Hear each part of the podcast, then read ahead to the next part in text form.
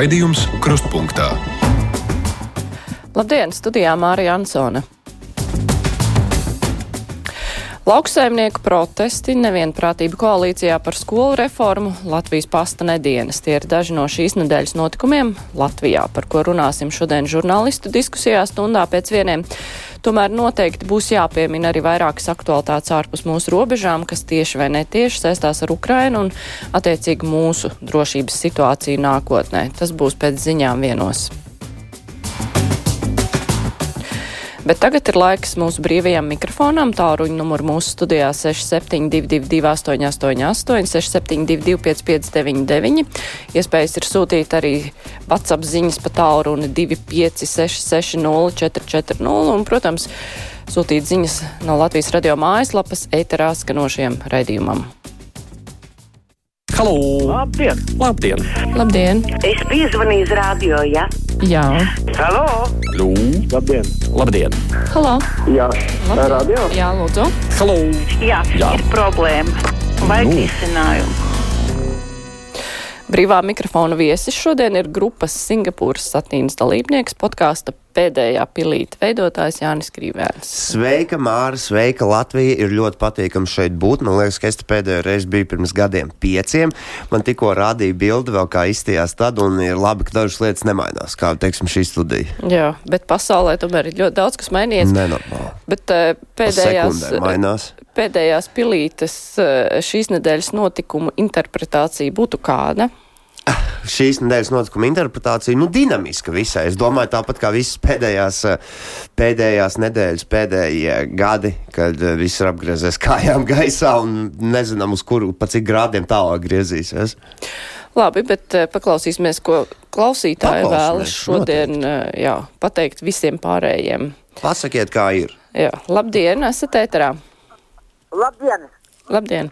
Man jums ir daži jautājumi. Ja mūsu valsts eksistē likumība, tad knabam būtu jāpieprasa no šitiem četriem padomes locekļiem, kuri aizmuka 180 tūkstošu eiro, ko nodzēra. Otrs jautājums par jūsu korespondentiem. Viņi nekā nezina par izglītību.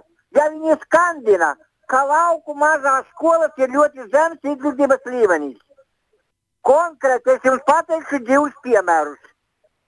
Em, Rīgas universitātē strādā izvalkas vidusskolu beigusi Lidija Leikuma profesore.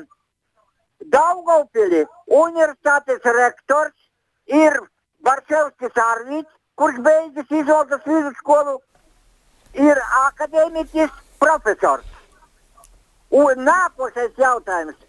Ja sāks likvidēt visas mazas skolas, viņa varēs nodert ap 300 tūkstošu eiro.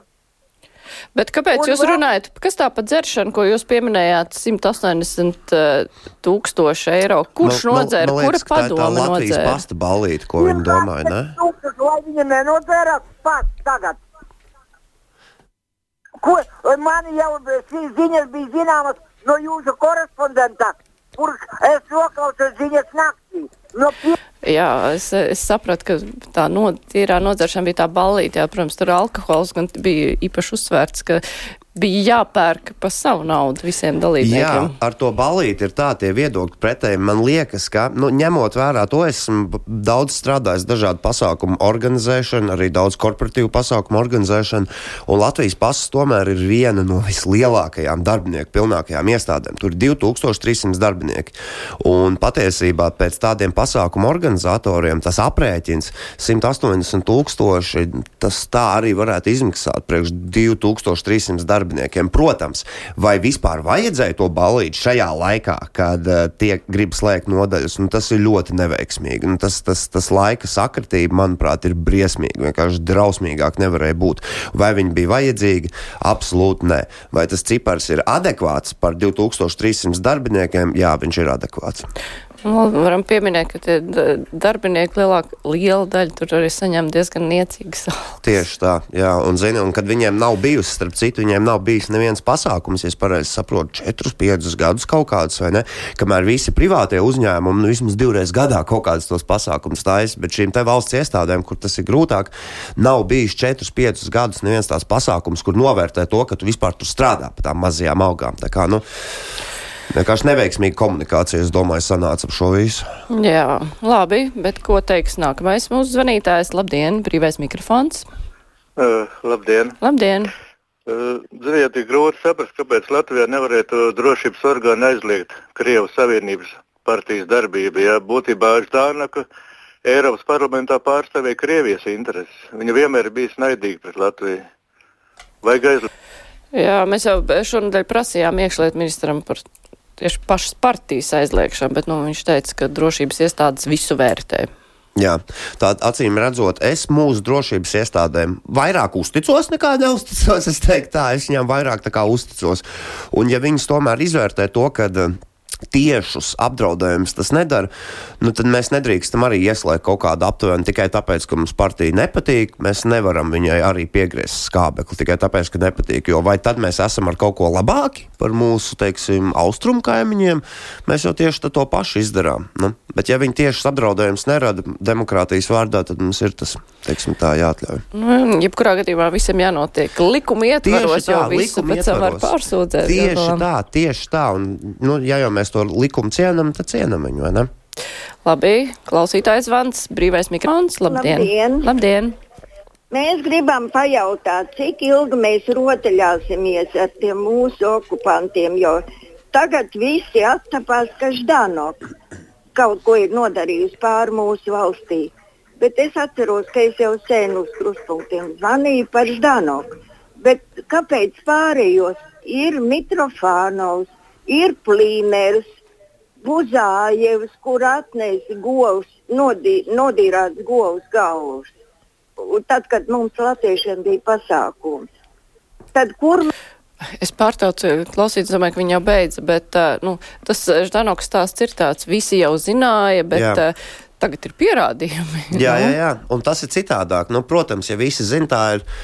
Viens ir visi zina, bet otrs ir tas, ko mēs atsaucāmies uz likumu. Tomēr ir jāievēro visi šie procesi likumā noteiktajā kārtībā. Citreiz tas besī, es zinu, citreiz tas var krist uz nerviem, pat ja tu to zini. Bet, ja tie likumi nepastāvētu, nu, tad būtu hauss, un mums ir jāievēro tā likuma kārtība. Un gal galā mēs katrs pats taču arī paļaujamies uz to, ka likums tiks ievērots taisnīgi. Tieši tā. Labi, vēl viens zvans, brīvais mikrofons. Labdien! Labdien! Es gribēju arī teikt attiecībā par padomēm. Man vispār šķiet, ka tās padomas mums tagad ir atkal saradušās kā kad, nu, jau kādus gadus atpakaļ, knapi nolikvidēja un tagad atkal ir. Bet galvenais jau par ko tad tie padomus locekļi atbild. Un algas viņiem, cik saprotu, ir stipri lielas. Būtu jau labi, ja jau kaut kur varētu apspriest, cik tas tā ir un kā tā atbildība. Vakar um, pārraidē par trešo, ka, trešo kanālu. Tas kooperatīvās kaut kādas pārvaldības um, eksperts teica, tā ministrija nav vīzija pastam. It kā nav izstrādājis mājas darbu, vīzija pastam. Cik ilgi tie, tie padomus locekļi jau bija tajā pastā, un tad viņi ir padomus locekļi ar lielām algām, bez kaut kādiem um, pienākumiem, ne, apzināties to vīziju. Vispār, kas viņus izvēlējās tā, ka viņi pat neapzinās vīziju pastam. Nu jā, nu tas ir vecais stāsts par padomēm un valdēm. Padomu uzraugu valdu. Tur kā ir tā, domāts, lai tur ieceļ profesionāļus, nevis tā kā kādreiz partijas Paziņas, pašas saliek. Bet vai tās kopumā tā sistēma ir uzlabojusies? Man šķiet, ka daudzi šaubās. Es arī šaubos, jā. ka tas tiešām strādā. Jā, īpaši tas arī nav spilgts piemērs. Nu, mēs zinājām, jā, protams, ka varbūt kaut kādi privātie konkurenti, tur kā Omniva, kā DPD, nu, viņi, nu, atklāti sakot, ja man personīgi vajadzētu izvēlēties kaut kādus kurjeru pakalpojumus, Latvijas pasas nebūs pirmā izvēle, pie kā es iešu. Diemžēl tas tā ir. Un jā, ilglaicīgi tur ir iesūnējušās varbūt kaut kādas lietas. Uh, bet uh, gan tā padoma, gan saistībā uz citām uh, ir tā vecā anekdote, nu, cik no anekdote, ka latviešiem vajadzēs izveidot vēl vienu darba grupu, lai analizētu padomus efektivitāti, kur tālāk analizēs uh, valdi. Nu, var smieties, bet man ir aizdoms, ka tā tas arī Man, notiks. nu, tiešām, man, man ir aizdoms, ka tā tas notiks, un kad tas, kad tas atrisināsies, grūti prognozēt.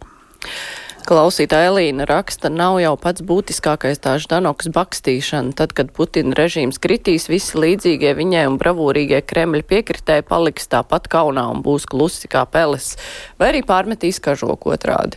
Nu, Ždanoka gan nemet tos kažokus, viņa bija interfrontē, viņa tāpēc arī taču nevarēja kandidēt sai uz saimu, jo viņa bija partijā ilgāk nekā tas bija pieļauts, lai varētu kandidēt uz saimu. Kažoku jau viņi nemeta, bet ļoti lieliski izmantoja šo savu pārliecību. Jā, uh, nu, piemēram, atvainojos par tādu vārdu, bet nu, es, es vairāk, nu, lai kā man arī viņa rieptos, man viņa šausmīgi griebas. Es cienu to, ka cilvēks paliek par mēslu līdz galam. Vismaz zini, ka tu nevis metājies no vienas puses uz otru, bet, nu, labi, nu, tad stāv par to savu mēslainumu. Nu jā, lai gan cilvēki arī mēdz augt Protams, un mainīt augt, bet es viedokļus. nedomāju, es nedomāju, gadi jau vairs neatļauj. Es domāju, augt. Es domāju, ka gadi vairs neatļauj mainīt viedokli tajā viņas gadījumā. Labi, klausamies, kas sakāms klausītājiem. Labdien! Labdien! Gribu pajautāt Krivenčī, vai pēc remonta viņa mašīna tagad labi ripo, jo es klausījos toreiz rādio SVH, ka viņš tur studijā bija. Jā, paldies! Paldies, vecīt! Jā, es tieši atbraucu viņu tagad uz šejienu. Viss kārtībā, viss sataisīts, ripo labi. Ja par personīgiem jautājumiem klausītāji savukārt ir kaut kur lasījusi, ka gribat iestāties zemesardzē, vai to izdarījāt, kā iet, kādi iespaidi, bija taču, Es ne? šobrīd esmu rezerves karavīrs, un man bija doma pārkvalificēties uz zemesardzi, ko es arī biju apņēmības dar, eh, gatavs darīt savu labāko draugu šī gada sākumā. Bet man šobrīd ir sakrituši tik daudz dažādi projekti, ka man atklāti sakot, ir bail, ka es vienkārši uzmetīšu gan vienus, gan otrus, un es līdz galam nevarēšu tā nopietni izdarīt nevienu, ne otru lietu. Un, uh, varbūt tad, kad man būs mazliet mierīgāks grafiks, uh, es no rezerves karavīra pilnīgi noteikti pārkvalificēšos uz zemesardzi. Bet tieši tāpat kā Marija Linārta teica, kura ir zemesardze, starp citu, ka tas, ka tu izēji to rezerves karavīru posmu, to pamatu apmācību, ar to pilnīgi pietiek. Visiem cilvēkiem nav, nav, nav vajadzīga tā zemesardze. Pilnīgi pietiek, ka tu zini tos pamatus un ka nepieciešamības gadījumā tu esi gatavs. Tev nav obligāti jāiet sev pierādīt tur visas tās reizes. Tu esi sev pierādījis un viss tev uzticās to. Un rezerves karavīra apmācības jau arī notiek ar kaut kādu regulāritāti, vismaz Protams. pēdējos gados. Protams, protams, mēs viņus izgājām pagājušajā gadā, un ir iespēja vai nu izvēlēties trīs nedēļu intensīvo kursu, kas bija mūsu gadījumā, man patīk labāk. nu Tā, Trīs nedēļas intensīvi. Nu, vai arī tu, protams, ej nedēļas nogalēs, kas tie būs kaut kādi trīs mēneši atkal pa nedēļas nogalēm. Uh, Es personīgi vairāk, protams, rekomendēju trīs nedēļu intensīvo kursu. Es domāju, nu, ja tu darbā paskaidros to, nu, tev, es domāju, tev palaidīs tām trīs nedēļām, jo tomēr mērķis tas ir visu interesēs, lai tās darbinieks varētu turpināt uzturēt tavu uzņēmumu pat x stundā. Zin? Jā, par pastu mums eh, klausītāji iebilst, jā, cik ta pasta darbinieki visi jau neatbrauca. Bija arī panorāmā sižets, ka nebija ieradušies visi pasta par darbinieki, un uh, kolēģi man eh, arī raksta, ka bija apmēram 800, bet droši vien, ka balvas plānošanā jau neviens nezina, cik tā Jā, būs. jā, jā, bet precīzi. grūti jāpateikt, kā tu tur īsti bija. Tā klausītāja Urzula raksta par vilcieniem. Es dzīvoju Ogrē, mūsu maršrutā Rīga Ogri jaunos vilcienus vairs neredzam vispār. Tie vilcieni vienkārši tā kā anekdote. Tie ir tie vilcieni bēdu ielai. Bet uh, viss jau likās, man jau likās kaut kā viss pārāk gludi iet ne, ar tiem vilcieniem. Protams, ka vajadzēja būt šitādam čakaram. Bet, nu, protams, ja tu ņem vilcienus no uzņēmuma Škoda Vagonka, kas saucās, man tas nevieš super lielu uzticību, kad es dzirdu vārdu salkumu Škoda Vagonka. Tas liekas kaut kas uz atlaidēm, tā kā zina, atlaižu plauktiņā. Nu, jā, tajā pašā laikā nu, es divreiz esmu braukusi ar to vilcienu. Nu, gribētos, lai viņi visi Nu, tādi viņi, būtu. ir forši, viņi ir forši, viņi ir no iekšpuses forši, viņi ir vizuāli skaisti, bet nu, tas, kas tur zem kapota darās, teiksim tā. Jā, tiem daudziem eksemplāriem, kas tiek vesti pēc tam ar darba lokomotīvu uz depo. nu, labi, klausītājs zvana, labdien! Labdien! Jā. būtu, man ir ideja, un man interesē, ko jūs par to teiktu. 24. TV raidījumā, ko vada Puķa, saklausīja, ka Alvis Hermans nevēlas uz uh, jaunā Rīgas teātra brandmūra atjaunot uh, tur kādreiz esošo Bindas Eduarda Smilģa fotografiju.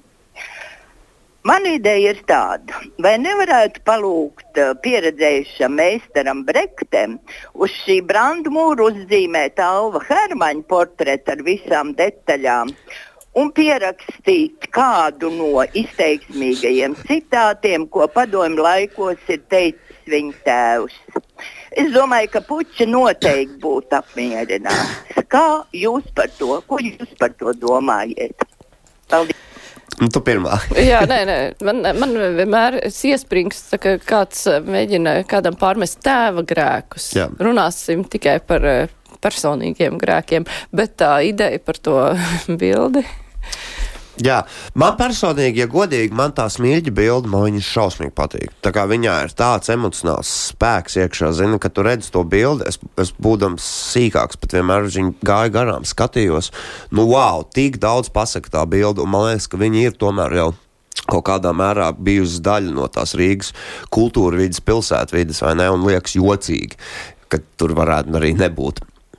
Uh, bet kāpēc gan uh, atjaunot fotografiju, ja ar to pašu Brektu vai kādu citu no mūsu jaunajiem māksliniekiem, cik nu jauniem Brektu, cik nu Tikai ne tos, nu, kur Tikai ne- atkal sākās Jā, jā, jā, trači tikai, briesmīgi. tikai ne, kaut ko varbūt mazliet pie, piezīmētāk, konservatīvāk, lai uzzīmē, man liekas. Jo labs piemērs man šķiet ir uh, uz Tallinas ielas, zini to milzīgo, milzīgo murāļu sienu, kur ir saule pērkons Daugava. Jā. Kolosāli! Ak, mans dievs, es katru reizi, kad es eju tur garām vai braucu garām, wow, man mutē atnāk vaļā, cik tas ir fenomenāli labi noslīpēts. Un, manuprāt, visu Rīgu mums, nu, mums Rīga ziemā ir tāda, nu, nu ir kā ir, nav daudz krāsu, bet man šķiet, ka šis ir viens no veidiem, kā mēs varētu visu pilsētu padarīt daudz vizuāli pievilcīgāku, daudz tos murāļus, iedrošināt būvēt skaistus, skaistus murāļus uz mājas sienām. Un tas arī dārgi nemaksā. Tas nemaksā dārgi. Un mums efektu. ir čūpa ar jaunajiem māksliniekiem, kuriem, kuri pa brīvu to darīt. Vienkārši iedodiet viņiem materiālus, iedodiet materiālus, kas arī nebūtu dārgi. Un mums būtu uzreiz turisms augšā. Mums būtu Instagramīga pilsēta. Zini, cilvēki gribētu fočētos pie turienes, tas izplatītos tālāk, vairāk cilvēku nāktu. Man liekas, ka, lūdzu, ja kāds klausās no Rīgas domas, dodiet māksliniekiem vienkārši ar ko zīmēt, un viņi zīmēs. Un būs kolosāli. Labi. Bet par lauksaimniekiem mums O. o. arī vajag kādu vēstuli nolasīt. Zīgs raksta, cerams, ka lauksaimnieki brauks ar traktoriem un dakšām arī uz lielveikaliem. Jo kāda jēga no samazinātā PVN, ja to savāc mazumtirgotāji? Nē, taisnība jau ir kaut kādā mērā. Jā, Bija jau tas pētījums uztaisīts, ne, ka mums kaut kā neracionāli, neracionāli Baltijā ir augstākās cenas kaut kādos veikalos. Jā, jā, Baltika jā. to taisīja. Nu, tāda laika pa laikam tie salīdzinājumi parādās, Jā. bet no otras puses, ja lauksaimnieki prasa to samazināto PVN, no acīm redzot, viņi to ir jutuši tad, kad bija šis samazinātais PVN, es vismaz tā secinu. Mm. Bet eh, par lielveikaliem, nu, jā. Kāds tev atkāp, kāds tev viedoklis par tiem karodziņiem pie cenu zīmēm? Nu, Tas būtu ļoti ērti no patērētāja viedokļa. Jā. Ļoti es priecātos, Es ja to varētu izdarīt. priecātos, jā. Un, kam on, nu, teiksim, lielajām pārtikas ķēdēm, vai ne? Nu, es neuzskatu, ka tas lielajām pārtikas ķēdēm paņem, izprintēt printerī lapas, sagādāt baigās grūtības. Es pieļauju, ka visgrūtākais ir eh, skaidri nodefinēt, eh, kur kāda ir izcelsme, ne, nevis kur tas produkts ir iepakots, bet Jā. Jā. tā produkta izcelsme, kur viņš ir vispār radīts. Jā, bet mani māca bažas par to, ka ņemot vērā to, ka tās lielās ķēdes ir ļoti pret to, nu kaut kas tur nav līdz galam tīrs. Kāpēc jūs tik ļoti negribat parādīt to izcelsmes vietu? Nu, Nu, tas visu, man kaut kā liekas aizdomīgi. negribas darīt. Vai ne? Precīzi, precīzi. Labi, klausītājs zvana. Labdien, esat ēterā. Halo, halo. Labdien. Sveiki. Es par to mazo skolu likvidāciju. Tāds zīmīgs fakts. Nu, tā lienošā skola reforma taču notiek jau gadiem. Rezultāti ir, nu, tiem būtu jābūt zināmiem. Ministrs taču varētu tos popularizēt. kāda bija e, skolēna sekmes mazajā skolā X, un kā tās uzlabojušās lielajā skolā Y, e, kur arī tas tam skolēna sekmēm būtu jāaug. Jo klasēm nu, ir tas e, pedagoģiskajam procesam optimālais lielums, vai ne? Bet nē. Nē, oh, es atkal izslēdzu, tur bija tāda gara pauze. Man šī klausītājs jau ir pateicis savu sakāmo. Ne, nu, es nepiekritīšu, ka nav datu, nekad nekas netiek uh, vērtēts. Nu, tiek, protams, vērtēts, bet uh, tā lielākā problēma varbūt ir, ka tie rezultāti nav vienādi. Nu, ir labi, laba pieredze ar skolu, skaita samazināšanu Un, diemžēl ir arī slikta pieredze. Jā, jā. Un neviens nevar tā līdz galam pateikt, tad kopumā tas, kas ir līdz šim noticis, ir tiešām labi vai slikti. Pieredze ir tik dažādas. Tā ir taisnība, jā, un es arī vakardien lasīju, es neatceros, kāds nokļuva līdz manai laika joslai uh, platformā. Gribās vēl teikt Twitter, bet laikam ir Rīgas jāsaka. Es arī citreiz pasaku. Vai ne? Refleksā. Un, un, un mums nebūtu patiesībā šāda vispār diskusija par kaut kādu skolu slēgšanu, par kaut kādu trūkstošo finansējumu, ja, mēs, ja mums vienkārši tālāk attīstītu kaut kādu uzņēmē darbību, lai vienkārši kačātu vairāk to valsts budžetu. Mums nebūtu vispār tāda diskusija. So, varbūt attieksmē arī pret uzņēmējiem kaut kādiem nodokļiem, kaut kā, jebkā, kas veido valsts budžetu, kaut kā vairāk veicina naudas apriti, aizvien vairāk to plūsmu, nebūtu tāda saruna. Mums klausītāji arī grib par kaut ko tādu dvēselē vairāk nu, būtu jauki, būtu par jauki. balsošanu supernovā. O, nu tā un citos pozitīvāks šonadēļ. Jā, un, bet eh, vienīgais, kas tas secinājums gan nav īpaši pozitīvs, klausītājs raksta, ka balsošana supernovā un citos līdzīgos konkursos, kur par balsošanu tiek iekasēta maksa, nav īsti godīgi, jo uzvar tas, kuram ir bagātākie atbalstītāji. Ha, nu, kā to skatās? Es varbūt neteiktu, ka bagātākie, bet es rēķinātu, ka auditorija varbūt kuram ir lielāka. Jo, piemēram, daudz cilvēki viņi nemaz super nav neskatās. Tā kā es neteiktu, ka bagātākie atbalstītāji, bet vispār tie, kas viņu skatās. Teiksim. Nu, jā, bet arī. Nu, Kādu te... auditoriju to var pilsīt? Jā. Bet arī tādi, kuriem nav žēl maksāt, nu, kur uzskata, jā, par nepieciešamu nu, samaksāt. Nepieciešamību, protams, jā. jā, bet par to zvanu, cik tur bija 10 centi. Nu, tas nav nekas tāds baigi traks. Tā trieciena balsojums bija eiro vai divi eiro, kaut kas tāds, kad, kad es pēdējo reizi skatījos. Nu, jā, ok, pēc loģikas, protams, bagātākie var pasūtīt, bet es, es nezinu, nevienu, kas būtu pasūtījis vairāk par divām, trīs reizēm, kas uz tā kopējā fona no visa milzīgā katla. Nu, nu, nav, ne, nedara cilvēki tā, ka viņi vair, vairāk nav tā kā pirms 10, 15 gadiem, nu, ka reāli balso klopē. Nu, viss, bišķiņ, visiem tā kā mazliet vienalga jau palicis to balsošanu, un es neteiktu, ka tam ir arī tik milzīga tā ietekme. Par to iepriekš runāto. Ja mēs tāpat zinām, mm. kurš brauks. nu jā, varbūt. um, par iepriekšēju runā, runāto par tām Krievijas, Baltkrievijas precēm. Vienu aspektu ir uzrakstījis klausītājs, kas droši vien arī tā būtu. Ar kādu baudu piektā kolona veikalos pirktu tikai Krievu un Baltkrievu preces, ja būtu karodziņi. Noiets palielinātos iespaidīgi. Es nezinu, vai iespaidīgi vai neiespaidīgi, bet pilnīgi noteikti ir kaut kāda cilvēka daļa, kuri principā pērk, nu, kuri atbalsta, jā. Nu, viņiem arī būtu vieglāk dzīve, bet kuru tur ir uh, nu, cik iespaidīgi to gan. Ok, iespaidīgi. Es Es tā īsti nedomāju, jo, ja tu to atbalsti principiāli, tas ir viens. Bet paskatīsimies, lūdzu, uz to pašu piekto kolonu, ja tajā pašā Krievijā.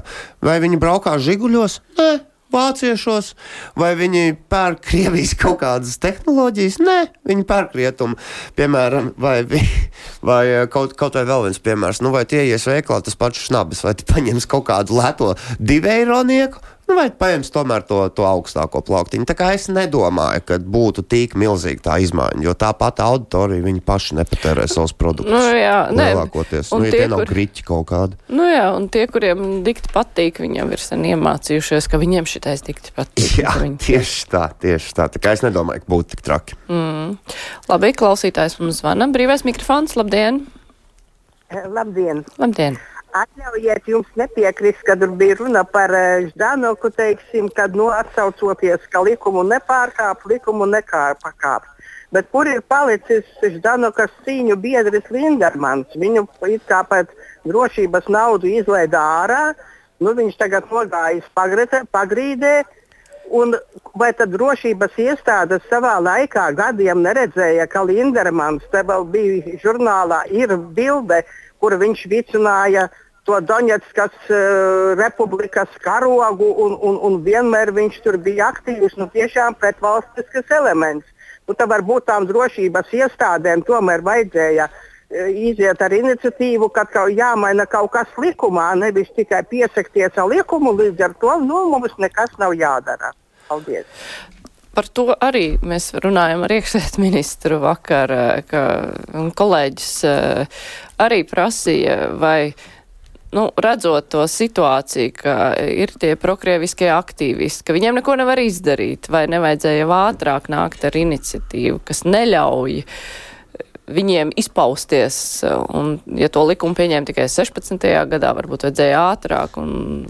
Bet es arī tikko skatījos, burtiski LSM bija rakstīts 10. februārī, tā ir tā vakardiena, aizvakardiena. Šodien ir 9. manuprāt. Nē, nē, nē, nevar tā būt. À, tas bija 2023. gads. -hmm. Jā, pareizi, pareizi. Tas bija pagājušā gada sajauts datums. Nezinu, kāds bija nokļūst manā laika joslā. Tad, bet, ka Linderam bija tiesa un tiešām viņš laikam nu, jā, tika atbrīvots. Jā.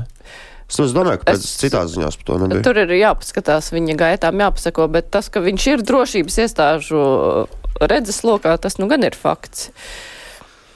Tā klausītājs. Um, Es vēl pacelšu kādu zvanu, kamēr mums vēl ir mazliet laika. Brīvais mikrofons, labdien! Labdien! labdien. Es gribēju parunāt par tiem karodziņiem uz pārtikas produktiem. Lieta jau ir tāda, cik tā pie mums tie bagātnieki ir tā Latvijā, kuri var ēst, nezinu, ko mēs tie nabagi graužam la, lašu asakas, cik tā tie bagātie ir, kas ēd tos mīkstumus. Un lieta ir tāda, ka aizies skaties, kas ir lētāks, ka tu esi nabaks. Bet ne jau uz karodiņiem. Tā kā Jā. Nē, tā, tā ir taisnība, absolūti. Tas ir pilnīgi, pilnīgi loģisks punkts. Un es jau nedomāju, ka ka tiem cilvēkiem, nu, kuriem, protams, nav citas opcijas izvēlēties, teiksim, dārgākus produktus, protams, protams, tas jau viņiem neko neietekmēs tāpat, bet man šķiet, ka priekš tomēr vidējā patērētāja būtu vērtīgi zināt, no kurienes tas nāk. Nu, Protams, tas jau neietekmēs pirkšanas paradumus visiem, vai ne? Bet tiem, kuri, varbūt, kuri var atļauties to, tad varbūt tiem tas ietekmēs. Mm -hmm. Protams. Es pilnīgi piekrītu. Labi, vēl pēdējais zvans. Mums ir pusotra minūte vien palikusi. Brīvais mikrofons. Labdien! Labdien! Halo! Jā, labdien! Esat ēterā. Labdien! labdien. Jā. Labdien! Es pagājušajā nedēļā aizpagājuši dzirdēju, ka no Latvijas budžeta gazai tiek maksāta kaut kāda nauda. Bet Kam tiek maksāta nauda? Gazai, gazas sektoram. Ā, gazas sektoram jā, gazas sektoram, kurš pērk par to naudu ieročus, veido tuneļus, vai šo naudu nebūtu pareizāk atdot tomēr mūsu zemniekiem, nevis valstī, kas uh, mēģina iznīcināt demokrātisko valsti blakus stāvošo. Man ļoti negribas uh, palaist ēterā kaut kādu informāciju par Latvijas uh, budžetu, kas maksā gazas sektoram naudu. Tur noteikti ir kaut kādas informācijas interpretācija. Es domāju, ka mēs pat labāk nekomentēsim. Jā, tas ir, jo tā, tā, zin, tā ir tik komplicēta, sarežģīta tēma, ka es domāju, ka mēs abi pat līdz galam pareizi nevarētu to visu nokomunicēt. Īpaši tādā trieciena tempā, kā Īpaši, jā, tik ļoti ātri. Tur vajadzētu mazliet pasēdēt pie kompīša. Tur vajadzētu mazliet, nu, vismaz desmit minūtes pasēdēt, saprast, kas notiek. Jā, bet, uh, nu, 45 sekundes ir faktiski palikušas. Ah. Te vēl tāds padoms par visobjektīvāko dziesmas reitingu savulaik noteica singlu pārdošanas rezultāti. Mūsdienās, laikam, tas vairs Tagad ir straumēšanas pārdošanas, tu, kā atvainojas vienkārši straumēšanas, un tā tas ir moderni. Un tas jau plielam ir viens un tas pats. Pārdošana un straumēšana šobrīd ir vienādības zīme. Vienīgi straumēšana ir daudz ērtāka, daudz lētāka, un visi no tā uzvar. Un reitings ar tādu. Un reitings arī aug. Jā. Nu jā, ar šo noti arī beigsim. Paldies, teikšu, paldies. Jānis Krīvēns bija šodien paldies, no Singapūras satīna un podkāstu pēdējā pilīta veidotājs. Bija Taisnība. kopā ar mums. Tagad ziņas.